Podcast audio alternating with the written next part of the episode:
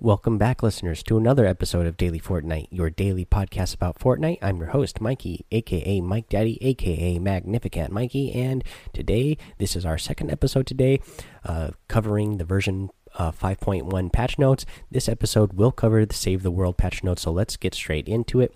Save the World missions and systems. Newly Canny Valley campaign quests are now available. These new quests continue the storyline into Canny Valley and will appear on the quest map. All players with access to Canny Valley and uh, Twine Peaks will be available. No, will be able to complete this new storyline. Storm Shield Defense and Launch the Rocket quests are unchanged and are still required to unlock new difficulties within Canny Valley. You can now advance directly from one Storm Shield defense to the next without doing every story quest in between. The storyline includes new quests that ask you to complete the old Storm Shield defense quests. These will give retroactive credit if the Storm Shield defense has already been completed. Old Canny Valley quests are still present and have been converted into a series of optional side quests. Dupe prevent dupe prevention added to all llamas. After the llama has determined the rarity and type of drop, i.e., an epic shotgun, a legendary event hero, etc., it will select an item from the from that category that is not already in your inventory or collection book.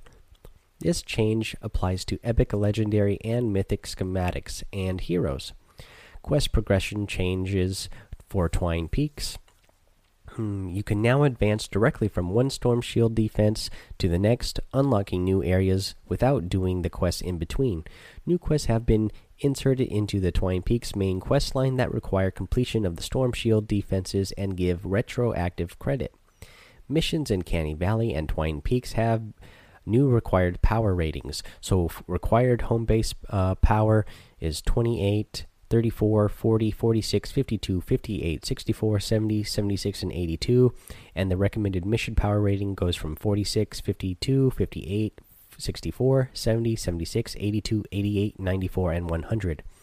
The leader of your party must be at or above the required power rating uh, before your party can join a mission of the listed recommended power rating. This requirement applies to mission alerts as well as normal missions. It does not apply to Storm Shield defenses. New Fortnite birthday quests. Find and eat birthday cakes to earn event tickets. Eliminate cake exploders to earn a birthday hero. New mission control. We've begun implementing a new system for mission activation and voting. For now, we've added it to retrieve the data and ride the lightning missions. Uh, this new system replaces the, the difficulty pylon in the world and allows for both mission start and difficulty increase at the mission location. In games with more than one player, increasing difficulty requires a majority vote. Uh, in Ride the Lightning games with more than one player, starting the mission before the mission ready timer has expired also requires a majority vote. The, de the default time for mission ready is currently set to 10 minutes. Ride the Lightning mission will now show the storm direction on locating Lars van instead of depositing uh, blue glow. Heroes Birthday Brigade Ramirez, a legendary variant of Sergeant, is available from the limited time birthday quest. New mythic constructor Steel Wool Syd has been added to the Act 1 Canny Valley questline. New subclass Kinetic Beats. A Steel Wool Singer that uses hardware to drop kinetic beats. New perks software increase increases hardware heavy attack energy efficiency by 150%. Lightweight increased increases hardware attack speed by 24%. Maximum overload increases damage of kinetic overload by 110%. Urban, Assault Sledgehammer Soldier is available in the event store, available July 25th at 8 p.m. Eastern Time. Uh, and then July 26th at uh, 0, 0, 0, 0 uh, GMT. So I'm guessing this must be midnight for you guys. Collision has been removed on Plasma Pulse for other players. Changed uh, wording and hammer specific abilities from uh, blunt to hammer. The following heroes can now be recycled or collected at uh, consume inventory space Rabbit Raider Jonesy, Wukong, Chromium Ramirez, Diecast Jonesy, Raven, 8 bit demo, Snuggle Specialist Sarah, Shamrock Reclaimer, uh, Archaeologess. Note that all players will receive 25 free inventory spaces as a free birthday gift, so this change should not cause overflow. Um, bug fixes. Uh, fix the following tooltips using incorrect values. Base MD now heals for the correct amount. The base MD tooltip has been corrected to show the constructor's base regenerates 30 health every 3 seconds while allies are inside. The Ain't Done Yet tooltip has been corrected to show increases the duration of Going Commando active effect by 5 seconds. The Combatant's Might tooltip has been corrected to show reduces energy cost by Warcry to 20. The Phase Field the phase shield tooltip has been corrected to show phase shift forces the shield to regenerate for 2 seconds. The tail of the dragon tooltip has been corrected to show dragon slash leaves a persistent trail of energy damaging for 12% of dragon slash damage every 0.5 seconds and slowing enemies by 30% caught within the tail for 3 seconds. The tooltip for corrosive stars has been corrected to show throwing stars afflict their targets, doing 25% of throwing stars damage every second for 6 seconds. The tooltip for nice and slow has been corrected to show kinetic overload applies a 40% slow to affected targets, reducing their their movement and attack speed for 5 seconds. The trigger radius for the constructor supercharged plasma perk has been corrected. Uh, Beetle Jest stats now match the base ranger subclass enemies. New Zapper Husk enemy added. The Zapper Husk is a ranged attack enemy who fires a single moderately powered beam at players. Damage and health for this Husk put it midway between the pitcher and blaster in difficulty. The Zapper Husk will be able to spawn with elemental modifiers.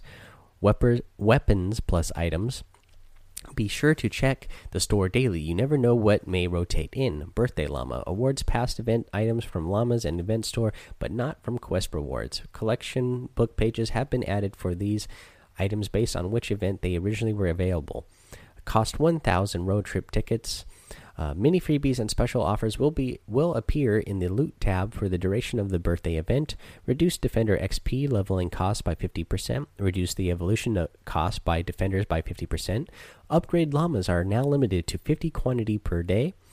We've reduced the amount of nuts and bolts and mineral powder used on a variety of traps. Uh, the floor launcher, uncommon crafting recipe changed from four nuts and bolts to a rough ore.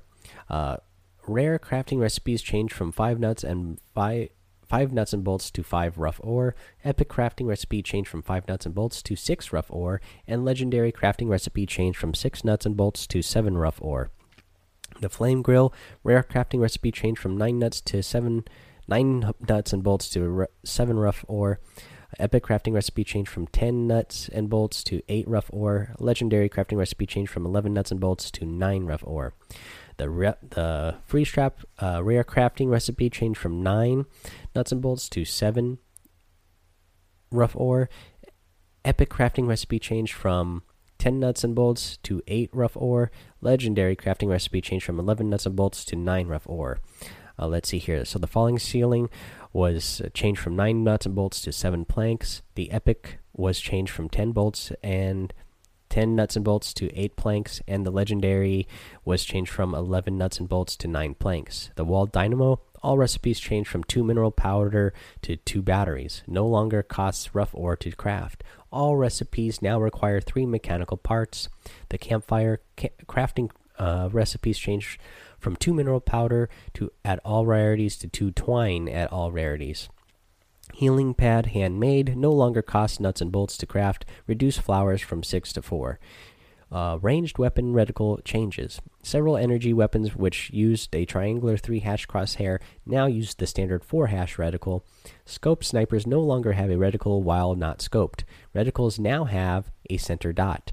The following weapons can now be recycled or collected and consume inventory space Bobcat, Dragonfire, Dragon's Fist, Easter Egg Launcher, Hacksaw, Heartbreaker, Lynx, Mercury LMG, Neon Sniper Rifle, uh, Noble Launcher, Obliterator, Quad Launcher, Ralphie's Revenge, Tiger. Note that all players will receive 25 free inventory spaces as a free birthday gift, so this change should not cause overflow. Uh, they have some bug fixes here. They adjusted the rocket from the tiny instrument of death to account for player movement and home in towards the player's reticle more aggressively. Replaced heavy attack efficiency perk tooltips with energy instead of stamina. Lefty, lefty and righty, Founders Revolt Quickfire Pistol, Haywire, Haywire Storm, and Bobcat no longer snap up and down when shooting. Let's see here. Uh, so the gameplay: gold reward, double doubled across all Horde reward tiers.